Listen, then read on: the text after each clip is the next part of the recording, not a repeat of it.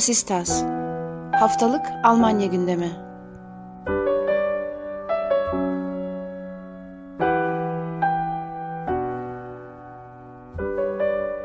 Herkese merhaba. Vasistas'ın 34. bölümüne hoş geldiniz. Ben Akınart, Ali Sözen'le birlikte bir haftalık aranın ardından yeniden Almanya gündemini değerlendirmek için beraberiz. Pek çoğumuz için aslında en önemli gündemlerden birini bugün konuşacağız büyük ihtimalle çoğunuzun merak ettiği detaylarını geçip geçmeyeceğine dair belki aranızda tartıştığınız vesaire bir gündem.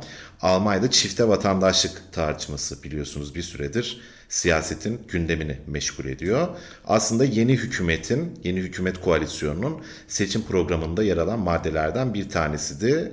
Hem göç yasası, göç düzenlemesi, Almanya'ya göçün kolaylaştırılması hem de Türk vatandaşlarını da içerecek şekilde çifte vatandaşlığın, çoklu vatandaşlığın önünün açılması uzun süredir ne zaman gündeme geleceğini merak ediyorduk. Özellikle kendi aramızdaki sohbetlerde bu da konuşuldu ama bakalım ne zaman gündeme gelecek, ne zaman meclise taşınacak diye konuştuğumuz bir konuydu. Çok kişi içinde böyle olduğunu tahmin ediyorum. Sonunda gündeme geldi. Gelmesiyle birlikte tartışmalar da başladı. İki partinin doğrudan itirazı var aslında bu düzenlemeye. Bunlardan bir tanesi Hristiyan Birlik Partileri olan CDU ve CSU. Diğeri de tahmin edilebileceği üzere zaten yabancı karşıtı, aşırı sağcı. AFD bir de sürpriz öznemiz var burada. Aslında hükümetin bileşenlerinden biri olan Liberal Parti FDP'nin de şerhleri var diyelim. Bu da aslında CDU AFD bloğunun elini güçlendiren konumlardan biri haline geliyor. Şimdi bu tartışmalar ne düzeyde şu anda? Şimdiye kadar neler oldu? Kim nerede neyi ne kadar bloke edebilir ve nasıl tartışmalar döndü? Mecliste diye ben önce sözü bir Ali'ye vereyim ondan sonra hep beraber tartışalım. Teşekkürler Akın. Belki ilk başta en önemli şeyi söyleyerek e, başlamakta fayda var. Hani yasanın ne zaman geçmesi ya da bunun ne zaman uygulamaya koyulmasını bekleyebiliriz. O sorunun cevabı e, en erken önümüzdeki yılın e, ilk aylarında bu olabilir. E, şu andaki yasa yapım sürecinde gereken süreler gereği böyle ilk e, görüşmesi yapıldı mecliste ama bunun e, daha farklı ayakları var. Onu da açıklarız birazdan. ancak yani biraz daha bu konuyu bekleyen insanlar için işte birçok insan çünkü e, duyduğumuz ve bildiğimiz kadarıyla zaten işte çifte vatandaşlık meselesi duyurulduktan sonra özellikle koalisyon programında e, onun gelmesini vatandaşlar geçiş için onun gelmesini bekleyen bir sürü e, insan var. E, bizim dinleyicilerimiz arasında da eminim sayıları çok. E, onların işte en azından bir e, birkaç ay daha beklemeleri gerektiğini e, söyleyerek başlayalım istersen. E, daha sonra işte bu süreçte tabii e, senin de dediğin gibi zaten koalisyon programında duyurulmuş bir meseleydi. Bunun üzerine e, bu üç partide koalisyon hükümetini oluşturan üç partide uzlaştılar. Bu zaten SPD'nin eskiden beri geleneksel vaatlerinden biriydi diyelim. ama diğer partilerle de özellikle FDP'nin katılımı biraz da işte ülkeye Almanya'nın ihtiyacı olan uluslararası yeteneklerin çekilmesi için bir takım düzenlemelerin yapılması da FDP'yi e, cezbeden e, noktaydı. Bunun farklı ayakları var. E, burada klasik olarak karşı çıkanlar var. Bir şekilde ayak sürüyenler var vesaire ama bu meselenin özellikle çifte vatandaşlık konusunun vatandaşlık sürelerinin kısalması da başka bir ayağını oluşturuyor ama çifte vatandaşlık konusunun Almanya'daki Türkiye asılı göçmenlerin birincil önemdeki e, konulardan biri olduğunu e, söyleyebiliriz ve buradaki bu toplumu, e, bu toplamı birleştiren yegane unsur olduğunu da söyleyebiliriz. Yani buradaki tüm partilerde temsil edilen Türkiye'den gelip farklı toplumsal gruplara ait olan tüm göçmenlerin belki de ısrarla birleştikleri tek konuda herhalde çifte vatandaşlık konusudur. Yani çifte vatandaşlık mümkün kılınması konusudur ve bunun çok daha eski bir tarihi var. Yıllardır bunun e, siyaseti bunun üzerine e, kuruluyor. Buradaki sivil toplum kuruluşları ya da politikacılar e, eliyle de Türkiye asıllı insanları temsil eden 90'lı e, yıllarda da e, çokça konuşulan konulardan bir tanesiydi.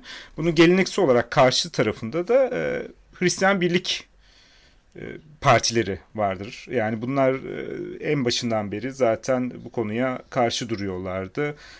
Peyderpey tabi burada biraz gevşeme oldu ama son tartışmalarda gördüğümüz kadarıyla özünde kaybetmiş değil Hristiyan Birlik Partileri ve bu da tabii ki bunu söylemek gerekir. Çağa da uygun bir durum değil. Bu çok eski kafalı bir savunuyla anlat e, anlatıyorlar konuyu ya da oradan değerlendiriyorlar diyelim. E, dediğin gibi sürpriz olan kısmı ise FDP'den gelen destek. Nereden karşı çıkıyorlar? Aslında onu da bir bu bahsettiğin eski kafalı argümanlar e, ortadaki durumu göstermesi açısından ya özel, anlamlı olduğundan en çok bir araya koydukları şey sadakat meselesi. Yani bir e, insanın tek bir ülkeye e, sadık olabileceğini düşünüyorlar. Yani bu sadakat meselesi üzerine çok fazla gidiliyor. Bu da nihayetinde tabii yani göçün ruhuyla çok e, eşleşen bir şey değil. Artık tüm dünyada bir göçten bahsediyoruz. Göçün e, uluslararası bir realite olması ve aslında çok...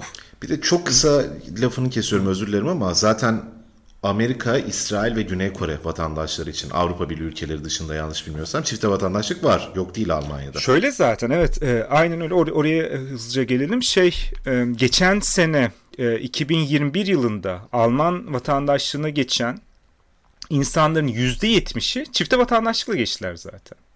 Yani bu bunların işte e, bir kısmı Avrupa Birliği ülkesi vatandaşları e, diğer kısmı ise e, anayasasında vatandaşlık çıkış e, tanımlanmayan ülkeler. Bunlar işte Irak, e, Suriye, İran, Afganistan gibi ülkeler. İşte Tunus da sanıyorum bunların içerisinde. İşte Fas. Yani daha çok Orta Doğu e, ülkelerin de dahil olduğu vatandaşlık çıkış hakkı vermeyen ülkeler de çifte e, vatandaşları da tabii e, Almanya'da çifte vatandaş olabiliyorlar. Diğer yandan AB vatandaşları da çifte vatandaş olabiliyorlar. Dediğim gibi bazı istisna ülkeler de var. E, geriye kalan aslında e, Almanya'nın en büyük e, Türkiye'li toplamı oluyor. Onlar da e, en büyük göçmen toplamı oluyor. Onlar da Türkiye'liler, Türkiye asıllılar diyelim en azından. Şimdi Dolayısıyla şimdi şöyle karşı çıkıyor e, CDU'da. Almanya'da işte tek vatan e, tek ülke vatandaşlığı esastır. Öyle gerçekten. Yani Almanya çifte vatandaşlığı tanımıyor esasında. Tek vatandaşlık esas, çifte vatandaşlık sayıda çok ülke vatandaşlığı ise istisnai durum olarak e, yasalarda tanımlanıyor. Ama bu istisnanın artık kaide olması e, meselesi var şu anda gözden yani pratikte işte %70'i çifte vatandaş olabiliyorsa aslında bu artık bir istisna değildir. Bu e, durum buraya gelmiştir. E burada e, istisnayı teşkil eden aslında asıl durum e, yasanın altında kalan işte Türkiye asıllılar olmuş oluyor. Dolayısıyla CDO'nun o çıkışı yani tek vatandaşlık esastır işte ya da sadakat vesaire bu çıkış zaten realde bir payı yok. Yani biz bu çıkışı aslında şimdi onlar şöyle kurmuyorlar. Hiçbir SDO'lu politikacının ağzından Türkiye vatandaşları çifte vatandaşı olamasın diye bir şey çıkmıyor. Ama işte çifte vatandaşlık olmasın diyorlar. Bu mevcut düzenleme kalsın diyorlar ama bu aslında direkt olarak Türkiye vatandaşları çifte vatandaş olma, e, olamasın demek oluyor pratikte. Yani bu e, durum çok acı. Zaten buna işaret eden çok e, sayıda Türkiye asılı politikacı da oldu meclisteki e, olanlar arasında. Özellikle bunlardan e, bir tanesi SPD'li e, Hakan Demir çok ciddi bir şekilde yani e, sizin kendi aranızda daha sonra vatandaşlığa geçenler var, çifte vatandaş olanlar var. Seçmenlerinizin arasında var. Yarın bir gün bu insanlardan oy da isteyeceksiniz. Ve bu çok ciddi bu tartışmayı özellikle CDU buradaki göçmenlerin kalbini kıracak vaziyette bir yere götürüyor ve hani belki bir yerden sonra da CDU'nun geleneksel olarak tabii ki Türkiye'li göçmenlerden çok fazla eskiden çok oy almadığını biliyorduk ama bu yeni Merkel'le beraber bir trend başlamıştı. Bunu belki tekrardan şimdi son tartışmaları gördükten sonra ben herhalde Türkiye'den Almanya göç etmiş birinin CDU'ya oy verme ihtimalinin artık neredeyse kalma yani AFD pozisyonunda bir yere e, kodlanacağını düşünüyorum e, oy verme ihtimali açısından. Böyle devam ederse Burada çok kısa bir araya gireyim. Çünkü aslında haklısın hem CDU açısından hem Alman siyaseti açısından bir kırılmanın işareti olabilir buradaki tartışmalar. Olur olmaz göreceğiz ama böyle bir olasılık söz konusu. CDU bir süredir bir dizi tartışmayı parti içerisinde yürütüyordu. Mertz'in liderliğini ilan ettiği sürece kadar. Hatırlarsınız öncesinde Armin Laschet, Merkel çizgisinin devamcısı olarak nitelendirilen basın tarafından ve oldukça göçmen dostu kimliğiyle ön plana çıkan hatta aşırı sağcıların daha çok kendisini tanımlamak için söylediği bir şey yanlış bilmiyorsam ama Türk Armin gibi lakaplarla da anılacak kadar bu göçmen dostluğu diyelim en azından CDU çizgisine göre öne çıkan bir figürdü. Fakat Mertz'le birlikte Mertz'in bu işte ana temel kültür, Alman kültürdür vesaire gibi çıkışlarını daha önce konuşmuştuk. Aslında biraz daha bildiğimiz CDU çizgisine dönmeye başladığını gördük. Geleneksel çizgisine dönmeye başladığını gördük. Ve bunu aslında AFD'ye kayan sağ oyların bir kısmını yeniden Hristiyan Birlik Partilerine getirmek için yaptığı, yapıldığı söyleniyordu. Siyasi argümanlarından biri buydu bu eksen kaymasının. Ve tabii ki Laşet'in Hristiyan Birlik Partilerinin liderliğini yaptığı sürede maruz kaldığı, yüz yüze kaldığı büyük seçim yenilgisi diyelim uzun bir süre sonra da burada durumu kolaylaştıran bir durum olmuştu. Şimdi bu göç konusundaki tartışma ve Mertz'in temsil ettiği liderlik çizgisi evet CDU'yu bir yerden bir yere götürüyor gibi gözüküyor şu anda ama özellikle vatandaşlık yasasıyla birlikte tartışılan bir diğer yasa olan göç yasası sürecinde bazı CDU daha doğrusu Hristiyan Birlik milletvekillerinin Mertz'ten ayrı pozisyon alabileceği 20 kadar milletvekilinin farklı bir pozisyon alabileceği konuşuluyor. 20 de aslında oldukça büyük bir sayı, önemli bir sayı. Şunu sormuş olayım biraz onun üzerinden istersen tartışalım lafı çok uzatmadan. Mertz'in bu göçmenlik konusundaki aşırı sert ve katı tavrı sence CDU, CSU içerisinde de belli ayrışmaların önünü açabilir mi? Bence açabilir. Yani bahsettiğin o 20 kişi zaten e, çekimser kaldılar e, bir oylamada. E, şey bu göç hı hı. meselesini düzenleyen bir oylama oraya da geliriz herhalde. Şimdi orada öyle bir ekip de var. İşte e, aralarında Serap Güler'in de e, olduğu bir başa oynayan bir ekip var CDU içerisinde. Zaten e, Helge Braun'un başkan adaylığı sürecinde de ona destek veren ekip olduğunu tahmin ediyoruz bunun. Şimdi bu zaten CDU liderliği tartışmalı bir liderlik ama bizim Mertz geldiğinde zaten onu konuşmuştuk. Yani Mertz tam bir e, işte 80'ler 90'lar politikacısı. Dümdüz bir neoliberal vesaire. Hani böyle o o neslin e, politikacısı diyelim. Şimdi bu özel göç konusunda da oranın politikasını yapıyor ama CDU içerisinde modernleşen, çağa ayak uydurmaya çalışan bir ekip de var ama çok büyük bir parti. E, Almanya'nın da en e, işte iktidara en büyük aday partilerinden birisi her zaman. Hiçbir zaman o iddiası kaybolmuyor. Ama Mertz'in şu anda bahsettiğin işte AFD ya da sağa kayan oylar e, ya da sağdan oy alma çabasıyla e, CDU'yu götürdüğü yer esasında CDU'ya bir oy get ya şöyle şu anda anketlerde CDU birinci parti olarak gözüküyor.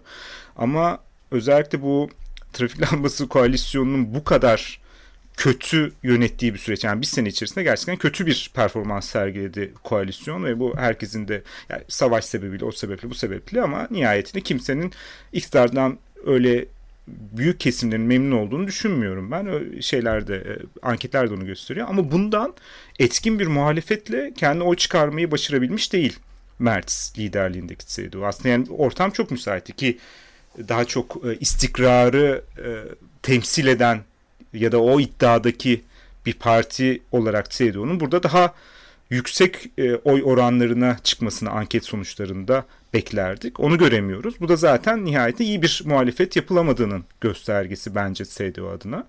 E, çünkü yani e, şu anda %30 gözüküyor işte o civarda gözüküyor en azından anketlerde oluyor ama CDU zaten %40'lık bir parti olduğunu biz e, biliyorduk en azından. Orada bir hareketlenme yok e, gördüğümüz kadarıyla. E, o yöne doğru git, git gidişat o yönde değil en azından.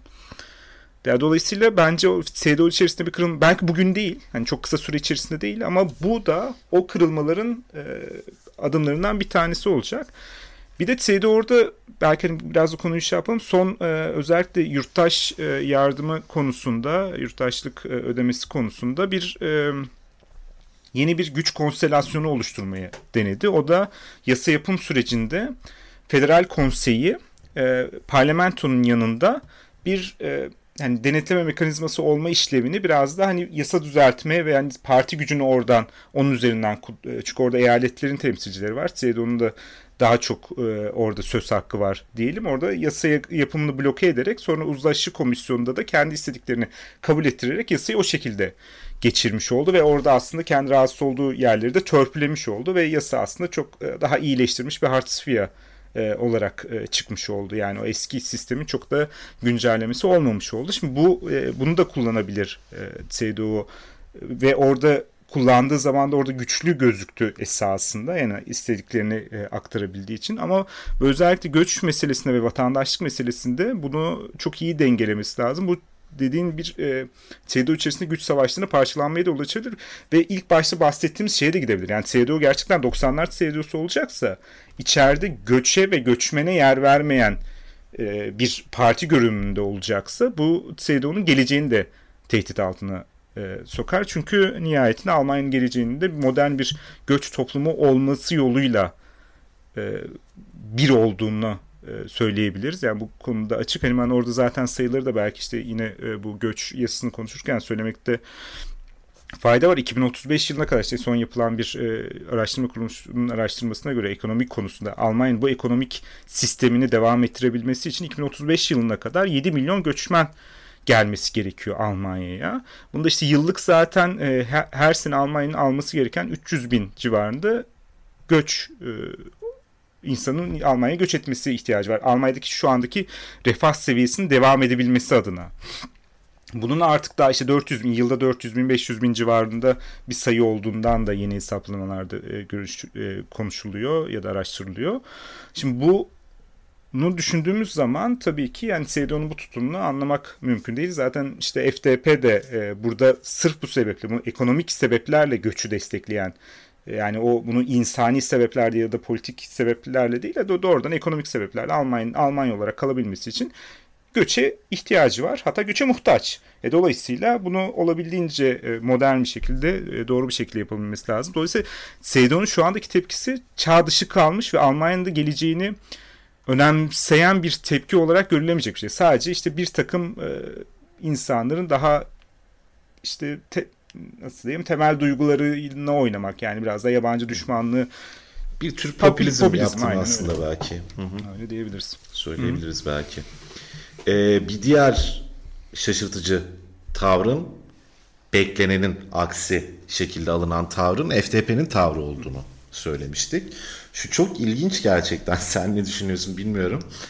Ee, aslında her üç partinin de altına imza attığı bir koalisyon metninden biz bahsediyoruz. Ve bu metnin bir parçası olarak aslında en azından belli köşe taşlarıyla bu vatandaşlık yasasının da olduğunu biliyoruz. İlan edilen şeylerden bir tanesiydi bu.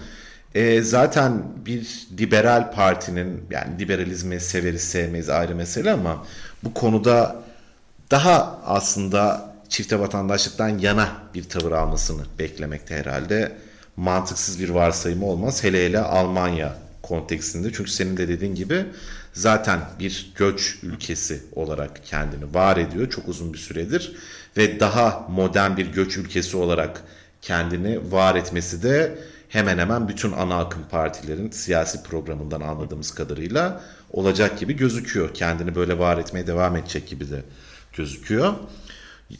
E, FTP niye böyle bir tavır aldı birincisi? İkincisi tam olarak neye itiraz ediyor sence? Şuna e, şöyle temellendirirler meseleyi. Biz ilk başta bu yasaları göç ve e, vatandaşlık yasalarını geçirmeden önce ülkeye yönelen yasa dışı gücü önlemek ve sınır dışı kararlarını hızlandırmak istiyorduk. Bunları henüz başaramadığımız için e, vatandaşlık ve göç meselesini getirmeyeceğiz gündeme Bu tabii ki bir zırva. Yani bu bu şey e, politik bir e, zaman kazanma metodu. Çünkü daha önce imza attıkları, söz verdikleri bir meseleden işte cayma e, hali gibi görüyoruz. Burada şey dengesini de gözetmek lazım. Burada Almanya'daki e, sağ akımın e, da bir üyesi esasında FDP ve or, o, oradan yani şimdi FDP'nin sürekli bir güç kayması hali var. Yani gittikçe oy kaybediyor. Belki yani baraj sorunu sonraki seçimde baraj sorunu yaşayabilecek ve yok olabilmeye doğru gidebilecek bir parti görünümünde şu anda FDP. Dolayısıyla bir yerden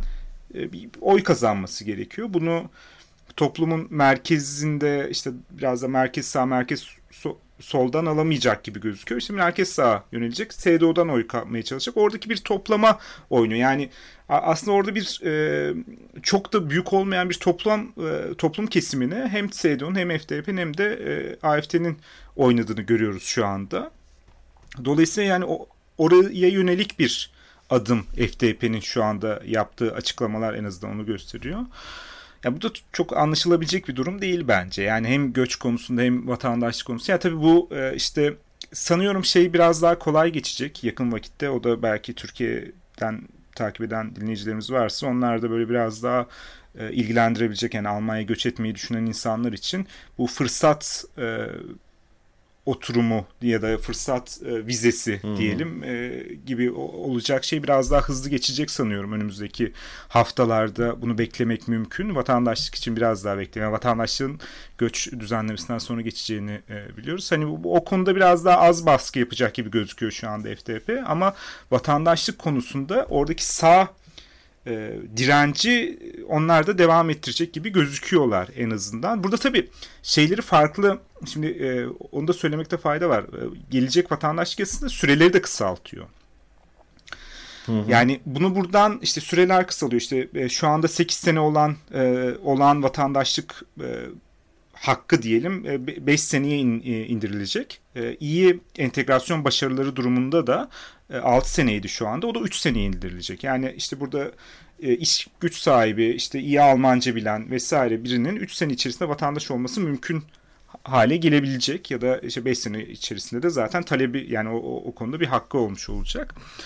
Yasal bir hakkı olmuş olacak. Bunu da tartışıyor partiler işte bu sürelerin e, kısa olduğunu falan filan. Ama yani ve işte Alman vatandaşının ucuzlatıldığını vesaire söylüyorlar. E, ancak tabii ki hani bu e, dünyanın güncelliğine de uyan bir çıkış olmamakla beraber FDP'nin burada belki işte süreleri yine e, olur verip çifte vatandaşlık konusu. Yani buradaki asıl tartışma noktası ben yine bir şekilde yani sürenin o kadar önemli olmadığını düşünüyorum açıkçası ve sürenin çok da değişip değişmeyeceğini bilmiyorum. Belki 3-5 yerine işte 4-6 yaparlar işte vesaire. Yani o çok e, şey olmayabilir. E, nasıl biraz pazarlık konusu olabilir. Ama asıl meselenin çifte vatandaşlık meselesi olduğunu düşünüyorum ve bunu Hı hı. E, bu artık olacak mı olmayacak mı? Biraz da işte FDP'nin orada dolayısıyla sağ kanada oturduğunu söyleyebiliriz. Burada bir şey bir parantez de şu, yeşiller için açmak lazım aslında. Biz burada e, özellikle dış politika e, bağlamında, ekonomi bağlamında yeşilleri biraz daha sağa kaymakla ya da işte o Amerika yalnız tutumuyla e, dünya e, düzleminde biraz da sağ tarafa oturtmuş, e, oturmaya başladığını ya da oraya yöneldiğini söylüyorduk ama burada özellikle şey konusunda göç ve vatandaşlık konusunda söylemekte fayda var. Yeşillerin e, bahsettiğimiz anlamda sol bir yerde stabil olarak durduğunda orada o yani eleştiri hı hı. yaparken o övgüyü de e, yerine getirmekte fayda var. Yeşillerin ve SPD'nin orada şu anda en azından şimdiye kadar çok sağlam durduğunu söylememiz e, gerekir. Zaten SPD bu işin taşıyıcısı e, pozisyonunda. Sol Parti de keza öyle. Evet, Sol Parti de destekliyor. Yani evet, kendi evet. kanun teklifleri olmamasına rağmen onlar evet, da oldukça sağlam durdular. Peki bu meclis matematiğinde sence bu yasanın blok yemesi gibi bir durum söz konusu olabilir mi? Son olarak bunu da konuşalım istiyorsan. Ne beklemek gerekir bir diye. Yasa yapım sürecinden bahsedelim istersen. Bu e, yurttaş hı hı. E, yardımı konusunda da e, bir yasa yapım süreciyle alakalı bir detay olmuştu. Çok detaya girmeden işte e, Almanya'da yasalar ilk etapta e, genellikle hükümet teklifiyle e, yasa tasarıları e, oluşturuluyor ama bunun içerisinde işte parti fraksiyonları ya da federal konseyden gelecek teklifler de farklı şekillerde yasalaşabiliyor ama genellikle bir hükümet teklifi bir yasa e, yapım sürecini başlatıyor. O bu, bu oluşturulan tasarı ilk önce parlamentoya geliyor, federal parlamentoya. Orada görüşülüyor. Bunun üç, ok, e, üç görüşmesi oluyor hatta. Bunun vatandaş konusunun ilki yapıldı geçtiğimiz hafta. Bunun ikinci ve üçüncü görüşmeleri var. Bu görüşmelerden sonra federal parlamento bir karar veriyor. Yani onaylıyor ya da onaylamıyor e, ya da yasada değişiklikler yapılmasını tekrar e, tasarıda değişiklikler yapılmasını talep edebiliyor. Nihayetinde onaylanırsa eğer yasa federal e, konseye gidiyor. Şimdi konseyde eyaletlerin oluşturduğu bir eyalet e, parlamentolarının temsilcilerinin oluşturduğu bir e, konsey. Onlarda daha çok eyaletlerin aslında o düşünülen şey eyaletlerin çıkarlarını savunması orada konseyin. Ama tabii uygulamada oradaki parti dengelerinden dolayı partilerin e, orada güçlü olan partilerde yasa yapım süreçlerini değiştirebiliyorlar. E, yurttaş yardımında da bu oldu. Konsey bu şekliyle yasa tasarısını kabul etmeyeceğini söylemişti yurttaş yardımında. Şimdi vat- vatandaş konusunda da olabilir mi ona geleceğiz ama e, konsey eğer reddederse bir uzlaşı komisyonu kuruluyor. Bu uzlaşı komisyonunda federal konseyden, parlamentodan ve hükümetten temsilciler oluyor. Ve işte onlar e, yasayı tekrar işte uzlaşıyorlar bu konuda e, ve tekrar yasa parlamentoya geliyor, parlamentodan konseye geliyor tekrar o şekilde kabul ediliyor uzlaşı yapılırsa. Uzlaşı lamazsa eğer zaten e zaten o yasa yapım süreci ortada yani tekrar dönüyor şey uzlaşılamamış hali hiç değişiklik yapılmadan son kez federal konseyi federal konsey tekrar ederse yasalaşmıyor. Bu çok gördüğümüz bir e, konstelasyon değil. Yurttaş yardım meselesinde şeyi gördük iki defa. Konseyin e, dahil olup uzlaşı komisyonuyla SDO'nun istediklerinin biraz daha e, yasaya eklendiğini gördük ve farklı bir güç konstelasyonu gördük. Bunu ama e, vatandaş konusunda çok beklememek lazım. Şu açıdan e, konseyin burada red hakları biraz daha sınırlı. Yani vatandaşlık meselesi doğrudan eyaletleri ilgilendirilen mesele değil, federal bir mesele. Dolayısıyla konseyin burada reddetme hakkı olmayabilir. Yani bu e, yani e, şeyde e, olabilir, imkan olarak bu var ama politik gelenekte, teamülde bu yok. Yani doğrudan eyaletleri ilgilendirmediği için konseyin reddetmesini yani eğer parlamentodan geçip konseyde takılmasını ben beklemiyorum.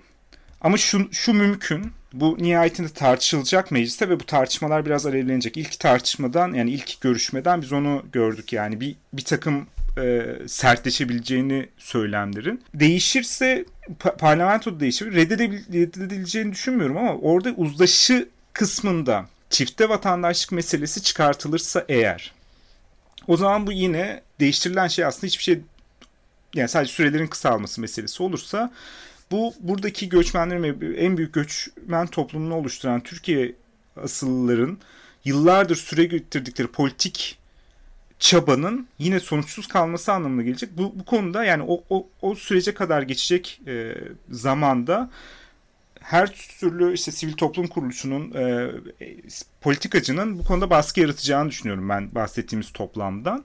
Dolayısıyla oradaki baskı ortamı nasıl olacak? Bir de Almanya'nın gelişmeleriyle de alakalı. Şimdi CDU'nun FDP'nin de karşı durabilecekleri bir ortam oluşursa karşı durup onu engelleyecekler gibi gözüküyor. Ama yani ortam oradaki baskı büyük olursa bunun karşısında duramayabilirler. Çünkü bu insanların hepsi potansiyel seçmen ler esasında bahsettikleri insanlar ve bunlara karşı söylem üretmek e, zor olacak. E, zor her parti için nihayetinde. Dolayısıyla biraz daha havanın durumuna göre yani politik iklim e, neyi gerektirecek orada çok öngöremiyorum. İşte Ocak ayında ne olacak çünkü değişik dönemlerden geçiyoruz nihayetinde. Ancak sürtünmesiz ortamda diyeyim e, bu yasanın geçmesini beklemek lazım. FDP'nin de bir şekilde başka konuda ikna edilerek Linder'e biraz daha örtülü ödenekten biraz daha bütçe çıkartıldı. bir şekilde halledilebilir yani. Onlar biraz daha başka bir uzlaşı yolu seçilerek e, diyelim. E, dolayısıyla yani ben ümitliyim ama dikkatli olmak gerektiğini de düşünüyorum. Çünkü çok önemli bir mesele ve buradaki göç toplumunda en çok ilgilendirilen konulardan bir tanesi ve en çok istenilen konulardan bir tanesi. Bunun sebeplerini de zaten çok da şey yapmaya gerek yok. Yani sırf bir e, ülkeyi seçmek zorunda bırakılmama isteğini tekrar tekrar açıklamaya gerek yok. Bu da çok e, doğal bir hak olması gerekir. Modern e, dünya düzeninde de çift vatandaşlık artık norm haline gelmiştir. Bunu da Almanya'nın bunu takip etmesi gerekir. Zaten bunu artık herhalde Almanya ve Avusturya haricinde çift vatandaşlığa izin vermeyen e, kural olarak e, Avrupa içerisinde başka ülke yok diye biliyorum ben de. Artık Almanya'nın da bu e, konuda biraz daha uluslararası e, özellikle yetenekleri cezbetmek için e, ve istediği de bu ülkenin e, geleceği de burada yatıyor. E, biraz daha özgürlükçü düşünceye evrileceğini düşünüyorum ben. Yani daha ümit varım diyeyim en azından bu konuda. Evet benim de üstüne çok ekleyeceğim bir şey yok aslında şimdiye kadar özetlediğin çerçevenin. burada ufak ufak programı kapatalım. İstersen tek gündemli bir program yapmak istedik. Çünkü programın başında bahsettiğim gibi bence bizce ortak kanımız da bu yöndeydi. Bizi dinleyen izleyicilerin, dinleyicilerin en çok merak ettiği konu herhalde doğal olarak. O yüzden mümkün olduğu kadar her tarafıyla ele almaya çalıştık. Önümüzdeki hafta Alman siyasetindeki diğer gelişmeleri, bu hafta atladığımız gelişmeler de dahil olmak üzere değerlendiririz zaten diye düşünüyorum. Senin eklemek istediğin başka bir şey var mıdır? Yok. Benden de şimdi bu ama zaten bu konuyu e, önümüzdeki zamanlar tekrar görüşüldüğü süreçte de değerli bizim en tabii, önemli tabii. konularımızdan yani. bir tanesi nihayetin senin de söylediğin gibi. Kesinlikle. O zaman önümüzdeki hafta görüşmek üzere. Hoşçakalın. Görüşmek üzere.